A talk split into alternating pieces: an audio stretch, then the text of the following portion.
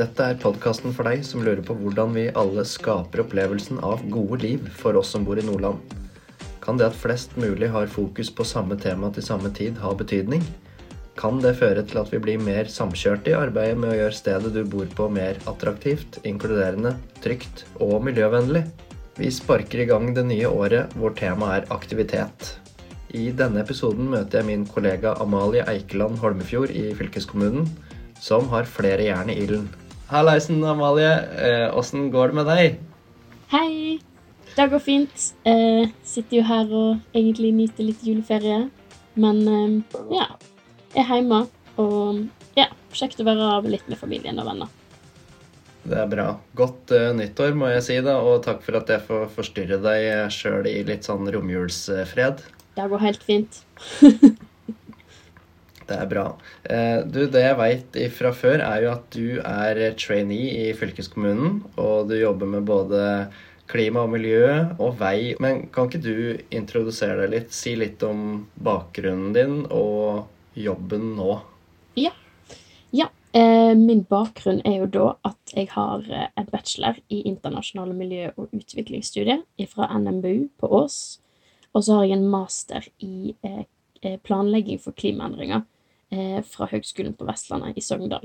Så det er liksom studiene mine derfra før. Og så har jeg òg vært aktiv i en del, altså både Spire og Framtiden i våre hender, som er på en måte miljøorganisasjoner, da. Så der har jeg òg fått en del um, Ja, jobba en del med klima og miljø. Og så har jeg òg hatt et internship eh, hos FNs klimakonvensjon eh, når jeg holdt på med masteren min, som var veldig kult. Lærte veldig masse der. Um, der jobber jeg spesielt med, med noe som heter Action for Climate Empowerment, som egentlig jobber veldig masse på en måte å mobilisere sivilsamfunnet til å kunne på en måte ja, gjøre ting og gjennomføre tiltak. Um, ja, så det er på en måte bakgrunnen min der. Og så nå har jeg jo begynt som trainee i Nordland fylkeskommune. Eh, og jeg jobber i avdeling for transportinfrastruktur på seksjon for eh, veiutbygging. Så nå jobber jeg egentlig mest med eh, egentlig, altså For vi gjennomfører jo offentlige anskaffelser som fylkeskommunen. Og noen av de anskaffelsene vi gjør, er jo eh, entreprenører som skal gjennomføre våre veiprosjekt. Så det jeg jobber hovedsakelig med nå, det er egentlig kontraktene og konkurransene som vi sender ut. Eh, for det kommer jo nå over nyåret nye eh, krav om at en skal vekte klima og miljø i offentlige anskaffelser 30 eh, Så da jobber jeg egentlig med å få inn i våre kontrakter på fylkeskommunen nå. Mm. Veldig spennende. Det er jo imponerende bakgrunn du har, da. Det er veldig tøft. Eh, og så kan vi jo skryte litt av eh, trainee-ordningen, for jeg har jo også sjøl vært trainee i fylkeskommunen. Så trainee Salten og de andre trainee-ordningene i fylket, de kan vi snakke varmt om. Eh, du, vi sitter jo og snakker på denne podkasten fordi du nylig deltok på klimatoppmøtet i Dubai. Eh, men vi må si at det var jo ikke for å representere fylkeskommunen eller trainee-programmet for så vidt, men gjennom et eh, verv du har som ungdomsdelegat for Norge. Kan ikke du fortelle litt om det? Jo. Det er, jeg begynte med det vervet eh, på våren i år, rundt mars, tror jeg. Og det går egentlig ut på at jeg representerer Landsrådet for norske barne, barne og ungdomsorganisasjoner. LNU, som er en paraplyorganisasjon for masse forskjellige barne- og ungdomsorganisasjoner innenfor masse forskjellige ja, tematikk og, og sånn. Eh, så representerer de, og i rollen som ungdomsdelegat så eh, jobber vi ganske tett opp mot den norske delegasjonen eh, på klimatoppmøtet. Så både på mellomforhandlingene som foregår i Bonn i Tyskland, men òg på det store klimatoppmøtet som foregår alltid i desember, som i år var i Dubai, da. Eh. Så, og vår rolle er på en måte å representere alle norske barn og unge og på en måte være deres stemmer inn i klimaforhandlingene. Så vi har nettopp fått til en, en ordning der vi er to stykk, som er én senior og én junior. Sånn at jeg var sammen med ei anna som allerede har hatt vervet i ett år. Okay. Eh, og så får jeg på en måte eh, Det er veldig fint at vi er to, for da kan en liksom bygge på hverandre sine erfaringer. da. Eh, veldig mm. fint for meg at hun har allerede gjort det en gang. Um, mm. Og så når vi er der nede, så er jo vi med i møte med, del, med den norske delegasjonen på morgenen. Eh, så vi får en god del informasjon på en måte fra de om hva som skjer, og vi kan jobbe veldig tett med forhandlerne òg, på en måte. Fordi det er veldig masse tema som skal diskuteres der. Um, Ja. Sånn at ofte så vil en ha fokus på noen tema, at en deler det litt opp, da. Og Ja. da er det noen forhandlere som jobber mer spesifikt med noen ting. Så jeg har eksempel fulgt tilpasning en del, og da jobber jo jeg en del med den norske forhandleren, da. Men, Mm. men det er jo viktig å påpeke som ungdomsdelegater så er vi ikke forhandlere, eh, sånn at vi kan på en måte ikke snakke på vegne av Norge. Eh, men vi jobber vel egentlig med, mest med å påvirke på en måte den norske delegasjonen. Um, ja. Og eh, og så er vi òg i en litt sånn koordinerende rolle på et vis, fordi vi har på en måte god tilgang um, og kontakt med delegasjonen, samtidig som vi på en måte òg jobber en del med det norske sivilsamfunnet. Um, Mm. Sånn at vi på en måte òg koordinerer og får til møte mellom, mellom de, da, og òg jobber på en måte med norsk sivilsamfunn for å ja, for å på en måte få til ting og, ja, og påvirke. Veldig spennende, da. Men eh, man, det er ikke noe man må være liksom eh, partipolitisk aktiv for å, for å få en sånn posisjon, eller hvordan Eh, nei da, det har, du trenger ikke være partipolitisk aktiv. Um, eh, fordi det vervet får du gjennom bare en slags eh, søknadsprosess. Så jeg søkte bare til Altså, jeg søkte til LNU, eh, og så kom jeg på en måte videre til en intervjuprosess. Og så Ja. er det på en måte de som er ansvarlige for å velge deg ut, da. Eh, Det eneste en må gjøre for å bli med i søknadsprosessen, er at den må bli nominert av en av medlemsorganisasjonene til LNU. Eh, I mitt tilfelle så ble jeg nominert av Norges Ungdomslag, som er en organisasjon som driver med folkedans, teater og folkemusikk. Eh, fordi jeg har vært aktiv der i lokallag, eh, hovedsakelig i, gjennom folkedans. Også og så nominerte de jo meg da pga. studiene mine og de engasjementene jeg har hatt tidligere, og, og det jeg har gjort og jobba med eh, på klima og miljø. Ja. Og så selvfølgelig så kommer du i kontakt med liksom, den norske delegasjonen og sånn. Skjønner. Ja, veldig spennende. Du, du, du sa du, dere jobber mye med tilpasning. Eh, har du og den andre delegaten gjort eh, noe form for innsiktsarbeid, eller hva slags materiale har dere med dere ned? Ja, altså vi, vi gjennomfører jo en del møter på forhånd. Sånn at um, For meg jobber jo, for oss er det jo viktig å få inn innspill fra norske barn og unge, sånn at vi på en måte har noe å bygge der vi på en måte kan snakke om på, da. Så derfor må vi få inn Mm, mm. innspill fra de. Så vi har innspillsmøte. Eh, så vi hadde både ett innspillsmøte sånn kun med oss og, og organisasjonene sammen med LNU. Og så har vi òg hatt et innspillsmøte sammen med eh, både klimaministeren, eh, altså Andreas Bjelland Eriksen, og utenriksministeren Espen Barth Eide på Mm. altså før vi reiste på COP. Sånn at alle på en måte de ulike organisasjonene som, som er medlemmer av LNU, eh, kan komme opp på en måte med sine innspill da, i forkant av mm. klimatoppmøtet. Og så gjør vi jo på en måte Vi jobber jo litt sånn kontinuerlig eh, mot møtet, da. Vi har f.eks. en del samarbeid med andre europeiske ungdomsdelegater. Eh, for Mhm. dette er en sånn ordning som er litt sånn ganske utbredt. Det er en god del land i Europa som har det. Eh, Sånn at vi har òg et ganske godt nettverk sammen. Så vi har på en måte hatt møte sånn kontinuerlig i løpet av året for å på en måte ja, komme med oppdateringer fra landet vårt og planlegge litt hvordan vi skal jobbe, da. Og, og, og sette sammen på en måte posisjoner. For vi har jo på en måte ja, ulike posisjoner som vi kommer og deler med den norske delegasjonen om hva, på ulike temaer, da. Om hva vi tenker er viktig å fokusere på. Tøft. Jeg så jo på Jeg så et bilde av deg eh, på nettet at du var med på en panelsamtale i regi av noe som het Nordic Talks. Eh, Og temaet for den samtalen var eh, om likestilling i klimasårbare områder. Kan du si litt om den samtalen? Ja. Eh, så den samtalen var på en måte organisert av Nordisk ministerråd. Eh, for de hadde en egen paviljong på eh, COP. Og bare sånn, det, det er bare et rom, altså. Der, men de på en måte har eh, ansvar for det rommet for å organisere ulike side events som skal foregå der. Og sånne på en måte em, ja, pavilions finnes det overalt. Med alle land og ulike organisasjoner kan på en måte organisere side events der, da. Eh, så da var jeg i regi av de.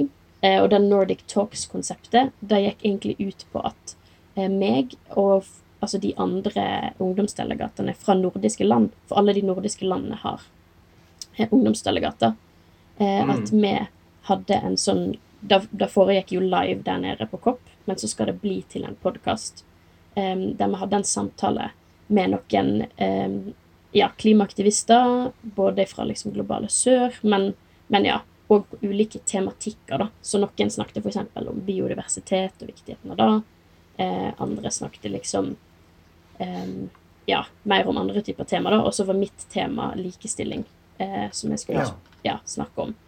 Og da eh, snakket jeg med ei som heter Mana Omar fra Kenya. Eh, og Mm. hun jobber veldig masse med eh, å få til likestilling i de på en måte samfunnet som hun kommer fra, som er sånn eh, Mm. pastoralists. Eller altså de, det samfunnet i Kenya som driver med, med husdyrdrift, hovedsakelig. Så det er liksom det de livnærer seg av. Mm. Mm. Så da eh, ja, hadde jeg basically en samtale med henne om ja, mest på en måte om hennes opplevelser og hvordan hun jobber, og hva hun gjør. da. Og det var veldig, veldig kult og inspirerende å høre, på en måte, fordi hun fortalte òg at de samfunnene er veldig sånn eh, patriarkiske. Så det er på en måte Ja. Altså, det Du har lite du skulle sagt som kvinne der, da. Eh, Mm. så hun jobber veldig masse på en måte med å fremme ja, basically likestilling der. Um, hun fortalte jo òg på en måte historier om at de hadde hatt sånn hva skal jeg si, kanskje ikke kommunestyreaktig, men noe lignende type møte sant, for å diskutere ting. Og at det er jo Ja. mennene som sitter med bordet, og at hun liksom fortalte at hun måtte på en måte, hun ville si noe da, i forsamlingen, og at hun måtte liksom fysisk skubbe seg fram for å få snakke. Ja. Så det sier jo litt om på en måte ja, hvordan eh, ja, de kjønnsrollene står, står der. Ja. Hun hadde blant annet et initiativ der hun nå prøver å få til en gender equal village. Så ja, så basically en likestilt eh, landsby, da. Eh, okay. Så et veldig kult eh, initiativ som hun jobber med nå. Det er jo så, altså, I sammenheng med klima så er det jo sånn at en ofte ser at kvinner er mer sårbare for klimaendringer. Fordi de ofte jobber jo en del i heimen. Altså de har ofte, I disse samfunnene så tror jeg de ofte på en måte har en god del av ansvar for stell av dyrene. Sånn at det er mange oppgaver Henting av vann er det ofte kvinner som gjør. Så det er mange oppgaver som kvinner gjør, som gjør at de blir ekstra utsatte når de blir påvirka av klimaendringer. Um, Ja. Og da at de da på en måte heller ikke har ei sterk stemme til å på en måte kunne uttrykke seg om dette her, da. Um, så, så derfor er det en ganske sterk connection mellom de to tingene. Det er viktig på en måte å sette ja, og vise det fram, da. Hva er det som kan defineres som klimasårbare områder? Fikk dere en slags definisjon på det på, på forhånd? Ja, altså Ja, det kan jo kanskje defineres litt forskjellig, men det er jo gjerne de områdene som blir hardest ramma av, av klimaendringer, som tørke og flom. Og da vil jo på samme tid er det de som blir på en måte ramma hardest, men de òg har et dårlig utgangspunkt fra starten av. Det er gjerne land der det allerede er store problemer med fattigdom, økonomisk ulikhet, altså styresett som kanskje ikke er helt eh, ja, de beste. Så det er på en måte land som allerede er sårbare, og som så òg vil kjenne konsekvensene av klimaendringer veldig mye. Og det er jo ofte mange afrikanske land, Sør-Amerika og asiatiske land. Denne måneden er jo tema aktivitet, og et av bærekraftsmåla vi har spesielt fokus på denne måneden, er jo nummer fem, som nettopp handler om likestilling mellom kjønna. Det er en, jo en øyeåpner, det du forteller om denne panelsamtalen. Og eh, livene de lever, er jo ganske annerledes fra hvordan det er i, i Nordland. Men hvordan på en måte eh, Nå som du er hjemme igjen, hvordan tenker du på den innsikten du fikk eh, fra den samtalen? Ja, altså først og fremst så tenker jeg på en måte at det er veldig viktig å ta med seg den, det perspektivet en får. Fordi det setter jo litt på spissen på en måte hvor privilegerte vi er. Og det var jo litt av grunnen til å ha en sånn samtale i den nordiske paviljongen. Um, Ja. For på en måte vårt land eh, blir jo ofte sett på litt som pionerer når det kommer til, altså til likestilling. Og Ja. vi er jo ganske gode Altså, vi er jo veldig ja, gode, men det er jo fortsatt ting her òg som kan forbedres. Men da på en måte være klar over det tror jeg òg er veldig viktig. For jeg, Ja. da, da sa jeg jo i samtalen med henne òg at, at på en måte da, det er jo ofte en som, som kvinne i Norge kanskje bare tar det litt for gitt at en har de mulighetene en har. Ja. Og når en da hører hvor vanskelig det kan være i andre land, Ja. og så blir det på en måte litt sånn Ja, da setter ting veldig i perspektiv, da. Klart det. Ja, Mm. gir det jo òg på en måte et ønske om at vi kan òg bli enda bedre på en måte i våre land og i våre samfunn, selv om vi er gode allerede. Og så er det jo litt òg den at vi har et ansvar òg for å på en måte støtte opp om det arbeidet som blir gjort i andre land.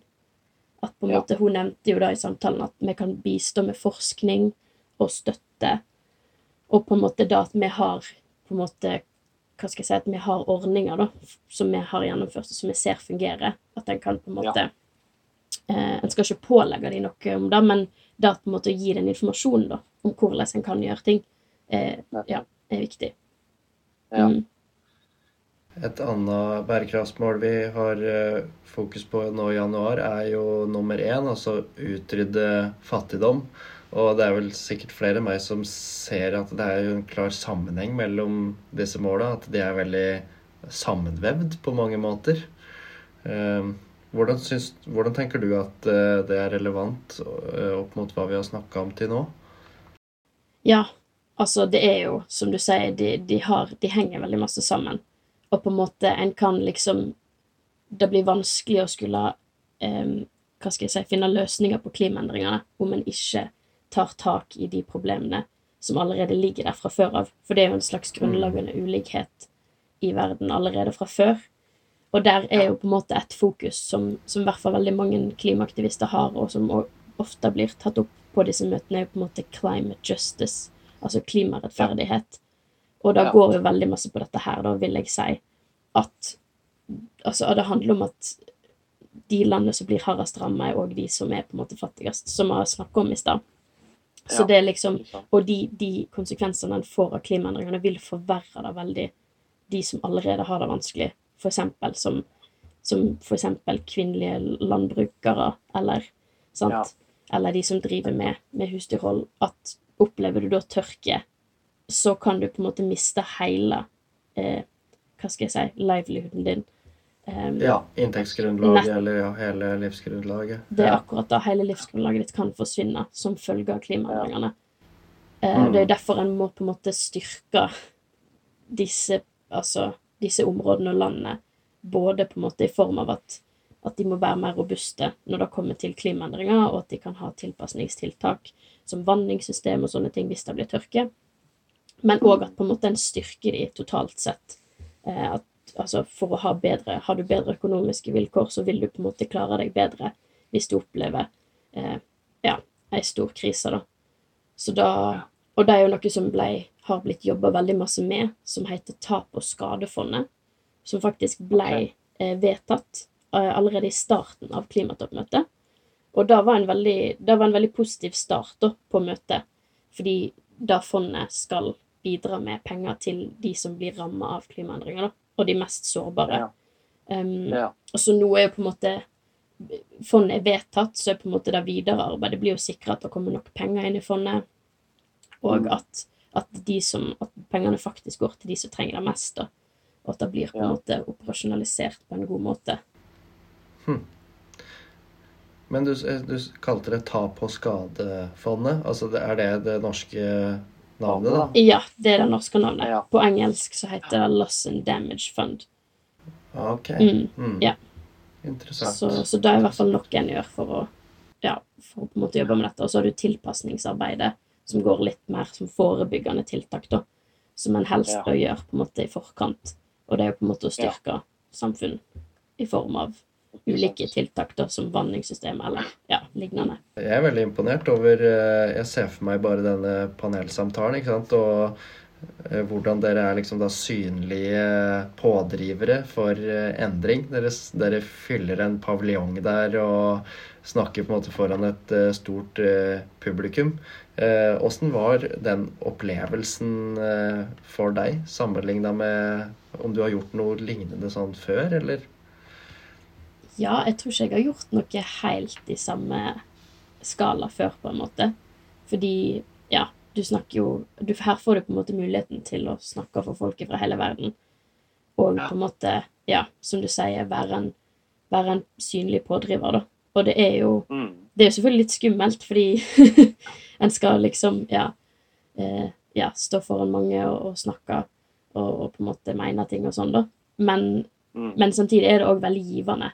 Og så er det veldig Det er på en måte Det er så mange folk der som er samla. Som, Ja. Og det er òg selvfølgelig Det er veldig mange forskjellige på en måte interesser og, og, og sånne ting, da. Men det som er veldig fint når du er der, er jo at du møter mange andre folk som òg på en måte vil pushe i samme retning fra hele verden. Så, så det er jo veldig kult.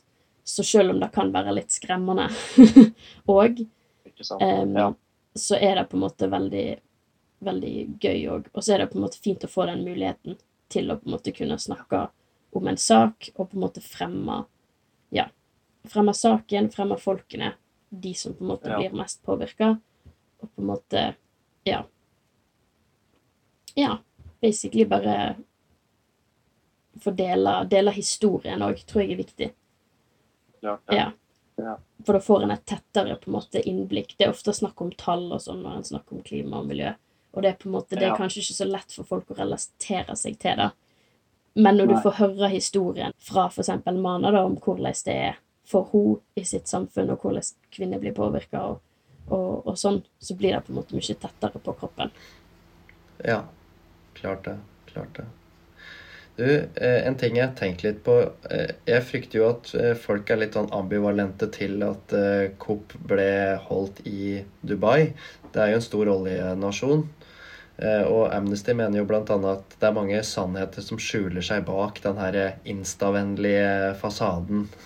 Men Man kan jo spekulere mye, men det jeg er interessert i, da, altså å høre fra deg som var der, hvordan, hvordan opplevdes det på en måte å være i Dubai i den settinga? Ja, det, det var jo litt rart. og alle som jeg sa det til på forhånd, var jo sånn Hæ? Skal det skje i Mm. Dubai? Er ikke det litt underlig? Ja.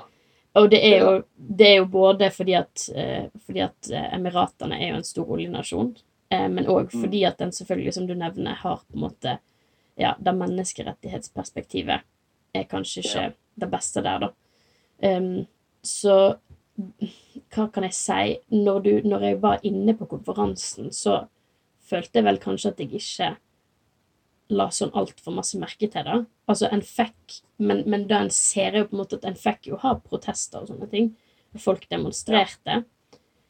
Men, men i visse tilfeller så var det kanskje strategisk tenkt hvor de Altså plasseringen, for eksempel, på, Ja. på demonstrasjonene var kanskje strategisk tenkt at det skulle være et område der ikke så mange folk så det. Og så ble det jo òg på en måte Det, det bygger seg jo litt opp utover òg de to ukene, så det ble jo selvfølgelig mer demonstrasjoner mot slutten. Um, ja. Sånn at Men det er jo kanskje litt vanskelig for meg. Jeg, jeg tror det, det er mye vanskeligere for Altså for på en måte f.eks. aktivister som kommer fra andre land, eh, som gjerne er mer utsatt hvis måte hvis de hadde gjort noe, eller Altså, det kan være farlig for de å være, å være der i tilfelle de hadde på en måte blitt eh, utlevert til sine egne land. Altså folk som nå gjerne bor Ja. kanskje i andre land i Europa, som egentlig kommer Ja. fra andre land. Eh, så er det nok på en måte Tror jeg kanskje det hadde vært Ja. Altså at de opplever en mer risiko da, av å ha vært der. Ja. På grunn av at eh, Emiratene har sånne avtaler med land om utlevering, eksempel. Så, så det er liksom Jeg vet på en måte ikke hvor masse som kan ha skjedd bak kulissene, på en måte, um, med ting, men, men sånn på området der så følte jeg i hvert fall at, at en fikk på en måte demonstrere og, og sånne ting. Og så ble det kanskje altså Kanskje ikke så stort som det kunne vært i et annet land, der, der det er mer på en måte, ja, der det er mer åpent for at en kan gjøre sånne ting. Da. Skjønner. Skjønner. Skal jeg fortsette med å være litt kritisk, da? Man estimerer jo at flere Man, eh, altså, eh, Det er en avis som heter The Conversation. De estimerer at det er flere hundre privatfly ble brukt til å frakte disse klimatoppene da, til møtet. Og særlig refses jo Storbritannia for å ha frakta både Cameron, statsministeren, og utenriksministeren, Sunak, og kong Charles i hvert sitt eh, privatfly nedover. Eh, altså, hvordan kan vi liksom reagere på noe sånt? Særlig etter samtalen du hadde med, med Mana, f.eks. Ja, altså, det blir jo veldig Hva skal jeg si? Jeg føler jo ikke at det henger på greip. Altså, og jeg, jeg personlig syns jo at det Hvordan skal en klare å rettferdiggjøre det, på en måte? At en skal delta på et klimatoppmøte, men at alle reiser ned der i sine egne privatfly. Så det er jo veldig vanskelig, fordi vi vil jo at lederne skal være der. Altså, det er jo viktig at de som sitter med masse makt, er til stede, sånn at på en måte de tar del i forhandlingene, og at de på en måte kan, kan få informasjon, altså at de kan få høre hvordan andre land opplever dette her. Um, og de må jo være, være, der på en måte for at disse forhandlingene skal fungere. Men ja, det er jo ikke Ja, det henger ikke på greip at de alle skal reise ned der i sitt eget privatfly for å delta på et klimatoppmøte. Så jeg skjønner jo at folk reagerer på det. Jeg skjønner jo at folk utenifra, og at den normale personen i gata syns at det er rart, og at det kanskje Ja, at det ødelegger Eller ødelegger og ødelegger, men jeg skjønner at folk reagerer på det. Og Ja. syns at det ikke henger på greip. Ikke sant? Det kan jo være et symbol på at man kanskje undergraver det som er formålet med en sånn klimatoppmøtekonferanse, da. Og det at de gjør det, er en slags frakobling mellom miljømessige bekymringer og eh, handlinger som vi kan gjøre, hver og en av oss. At eh, dems mangler på forpliktelse overfor eh, bærekraftig praksis da, påvirker den offentlige meninga i samfunnet, og at kanskje eh, vi som er demokratiet, vi liksom folk flest ikke trenger å bry oss når lederne våre ikke gjør sin del. Men, men du tok ikke privatfly nedover, da? Nei. jeg prøvde å undersøke om det gikk an å reise med tog. Men det blir veldig vanskelig, fordi en må jo dessverre inn i noen områder der som Ja, som da er veldig vanskelig å reise gjennom. Ja. Så den Ja. Dessverre måtte jeg reise med fly. Skjønner. Men eh, ja, det er nå en oppfordring kanskje til at det fins andre alternativer enn privatfly, da. Altså, eh, ja. Altså den franske økonomen eh, Thomas Piketty, han mener jo at, at det vi snakker om nå, det er jo et, eh, et veldig tydelig bevis på eh, sosial ulikhet. Altså at det er det som må nedkjempes hvis vi i det hele tatt måtte, skal være i stand til å takle klimaendringene. Og det henger jo veldig sammen med liksom clim, altså klimarettferdighet, som vi òg snak, snakka om i stad. Ikke sant? At, Ja. eh, at det går jo litt på det samme. At de Ja. ulikhetene som ligger der fra før av, er òg veldig framtredende i på en måte klimakrisen, da. Mm. Og så Alle skjønner jo at man ikke kan kanskje ta en Reis Nordland-buss fra sentrumsterminalen i Bodø rett inn på Coop eh, heller. Men eh, altså Men hva tenker du rundt denne problematikken, da, f.eks. til neste års eh, klimatoppmøte og i åra framover? Ser du noen muligheter? Ja, altså, for det er jo det som er vanskelig med det, er at det skal jo på en måte flyttes rundt, så det arrangeres på forskjellige kontinenter hele tida, sånn at det vil jo alltid være noen som må reise langt for å komme på disse møtene. Ja. Og jeg skjønner jo at det blir litt motseiende, fordi da blir det jo en del utslipp som kommer med at alle skal reise ned og være med på de møtene.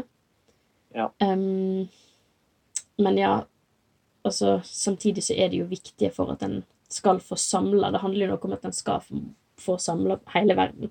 Det er jo det som Ja. skjer. Og at hele Ja. verden skal komme til, til en avtale. Um, så derfor er det jo på en måte fint å kunne flytte det rundt i verden, sånn at Ja. alle kan kanskje føle en liten tilknytning til det, da.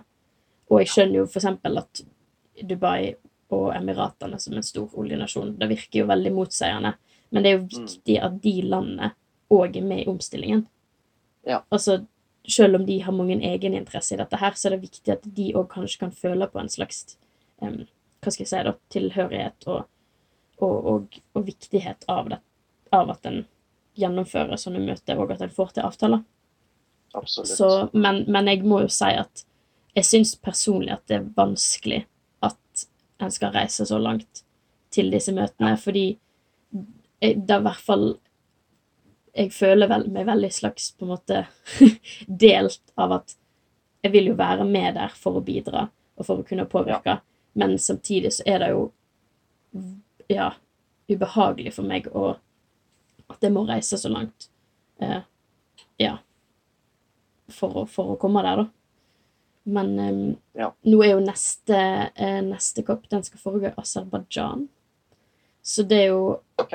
eh, Og eh, ja, et eh, land der som òg på en måte har en del olje og sånn, da, så, så vi får se hvordan det òg blir.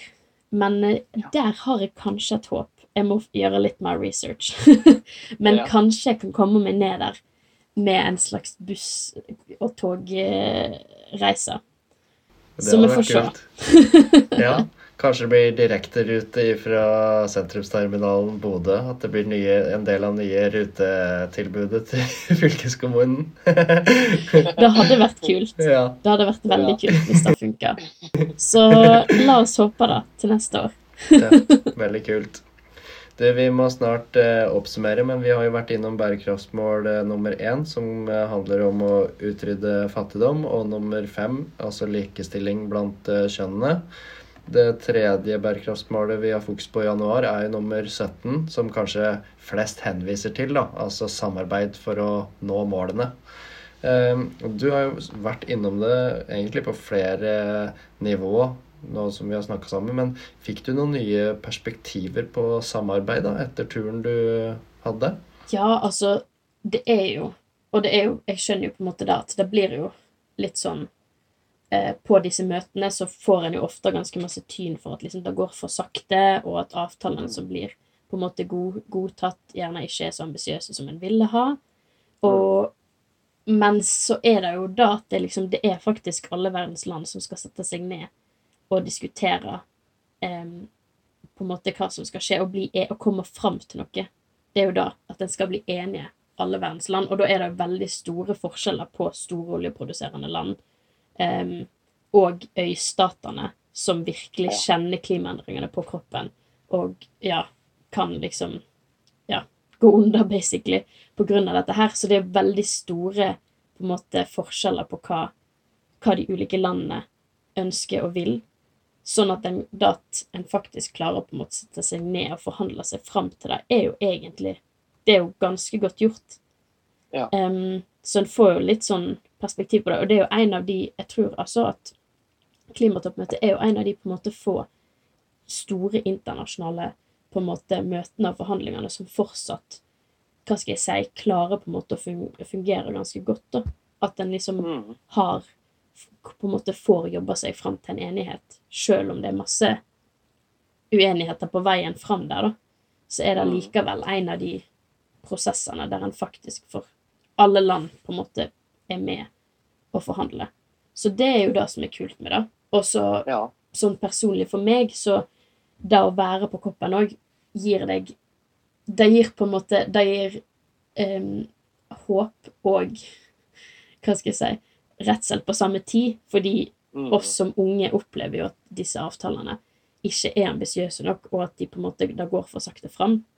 Selv om Ja. vi nå f.eks. i denne avtalen er første gangen vi har en henvisning til på en måte um, det å omstille seg vekk fra fossile brensler i en sånn her avtale noensinne, som egentlig Mm. er veldig rart, fordi Ja. det er jo en av hovedgrunnene til klimaendringene som opplever. Um, Ja. Men det sier jo litt om at prosessen er veldig på en måte langtekkelig, da. Men Ja. for oss så er det på en måte Vi, vi skulle jo ønske at det kanskje hadde stått noe mer om, om utfasing, eh, mer spesifikt, sant, eh, når det kommer til fossilt, for eksempel, som var et veldig push for aktivistene. Mm. Sånn at Men at han har fått inn fossilt i teksten i seg sjøl, er for de som har jobba med dette lenge, en stor på en måte en, en viktig ting, og et viktig signal spesielt som en sender ut til resten av verden. Ja. Og, og til de som in, in, investerer i olje og, og, og alt dette her, da. Ja. Mm. Så også personlig så er det jo Får jeg jo på en måte inspirasjon og håp i det at en treffer veldig mange andre eh, ja, unge, for eksempel, spesielt for min del, eh, Mm. fra, fra hele verden, som i sine land jobber og pusher for på en måte påvirkning og handling, da. For det er jo da du sier at jeg skjønner at det kan oppleves veldig at disse møtene på en måte det er en slags Det er en avstand der mellom det som blir avtalt, og handlingen en ser på bakken. Mm. Og det er Mm. helt sant. Eh, og da skjønner jeg at mange kan synes er på en måte det som kan være litt vanskelig med disse møtene, men det er viktig at en på en måte har det presset ovenifra, og at en på en måte får til sånne avtaler. Men så er det jo selvfølgelig arbeidet på bakken som er det aller viktigste. Det må skje ting. Land må faktisk gjøre noe. Eh, og, og der kommer jo òg ned til at oss i Nordland, for eksempel, Mm. det er, jo, det er jo på det regionale og det lokale at en faktisk kan gjøre ting. Det er jo der utslippene faktisk skjer. Ja. Og det er der en òg kan tilpasse seg. Ja. Så det er liksom Ja. Det å se de sammenhengene der, da. Så det er liksom litt Ja. viktig at en har på en måte Hva skal jeg si Et press fra begge sider. Både fra nedenfra og opp. Eller, ja. Um, så derfor er det kult å møte veldig mange andre som òg på en måte Ja. jobber med dette her i, Ja. i sine land. Og det gir i hvert fall inspirasjon og håp, selv om prosessen kanskje er litt treig. Ja. Nei, men det høres veldig Det høres veldig bra ut. Du, eh, nå som du eh, er tilbake til Nordland og tilbake på jobben og på nyåret, eh, hvordan er motivasjonen din for å få folk til å reise smartere på veiene våre i tida framover? Jo, altså Det er jo på en måte Det er jo en veldig viktig del av det. for Masse, det er jo en del masse utslipp som kommer fra transport og, og bygging av vei og, og alt dette her. Så det er liksom En må på en måte bare fortsette å, å pushe folk og prøve å på en måte Og da bare For da tror jeg kanskje denne koppen i hvert fall er med på da liksom den innstillingen folk har om at omstillingen, den, den skjer, på en måte. Omstillingen er allerede i gang. Og da kommer bare til å fortsette å på en måte eh, bli mer og mer av det, da. Så jeg håper på en måte at folk kan la seg inspirere av det, og, og ta, ta altså, bedre valg, da. Men selvfølgelig, det er veldig vanskelig, og det er jo en av de store tingene med f.eks. klimakrisen, at det er veldig vanskelig å påvirke, liksom, hva skal jeg si, eh, atferden til folk. Men jeg tror jo at, at da at en får sendt signal om at, om at den omstillingen skjer, og om at på en måte viktigheten av at vi gjør noe. Altså, Mm. alle sier jo det hele tida, ja. Men jeg tror allikevel den, den er der. Altså viktigheten av at alle kan på en måte gjøre noe, da. Og det at en er klar over at våre handlinger som vi gjør, har faktisk store påvirkninger på andre folk i andre land. Og det er de som virkelig kjenner konsekvensene allerede nå, men i framtida så vil Ja. vi òg kjenne de konsekvensene sjøl. Ja. Så Og så syns jo og, Men det syns jeg òg er veldig fint med den jobben jeg har i Nordland fylkeskommune, er at jeg i den jobben i hvert fall får eh, et mye mer hands on jobber med hvordan vi kan kutte utslipp på i Mm. direkte i prosjekt. Sant? Jeg kan Ja. gå og se på det veiprosjektet og være sånn OK, her har vi gjort sånne og sånne tiltak, her bruker vi elmaskiner. Ja. Um, og det er litt fint, for når en er på disse internasjonale møtene, så blir en jo gjerne litt sånn Å nei, det er så Ja, stort. Og en føler Altså, det, det er vanskelig å se, kanskje, at det som skjer der Ja. internasjonalt, kan på en måte renne ned i det lokale. Ja. Um, og derfor syns jeg det er veldig fint å ha den jobben jeg har i Nordland fylkeskommune, der jeg faktisk virkelig kan jobbe med spesifikke prosjekt og virke, altså se at OK, her har vi kutta så og så masse utslipp. Så jeg syns den kombinasjonen der er veldig fin. Det høres jo kjempebra ut. Eh, helt til slutt, eh, Amalie, hva vil du si er det gode liv i nord for deg? Mm, hva er det gode liv i nord? Altså, det er på en måte å kunne For meg så er det i hvert fall veldig det å kunne på en måte nyte naturen eh, som er i nord, for den er ekstremt fin. Og da å liksom ja, kunne komme seg ut og nyte det, men òg liksom det at en får vært sammen. Det er jo veldig viktig òg, spesielt i mørketida, at en liksom kan være i lag. Ja. Og så er det jo selvfølgelig det at en, en kanskje kan leve et liv som ikke går på full speed hele tida, men at en kan lene seg litt tilbake og, og ja, slappe av litt, da. Og ja. Det blir vel da selvfølgelig et, et bærekraftig liv. Ikke sant? det må jo jeg pushe for. Det vil jeg si du er en god eh, promotør for. Det er bra. Veldig bra, Amalie. Det var veldig fint eh, å høre om eh, turen din. Tusen takk for praten. Takk for det. Veldig kjekt å få kunne dele litt av mine erfaringer. Så bra. Godt nyttår, da. Ja, godt nyttår.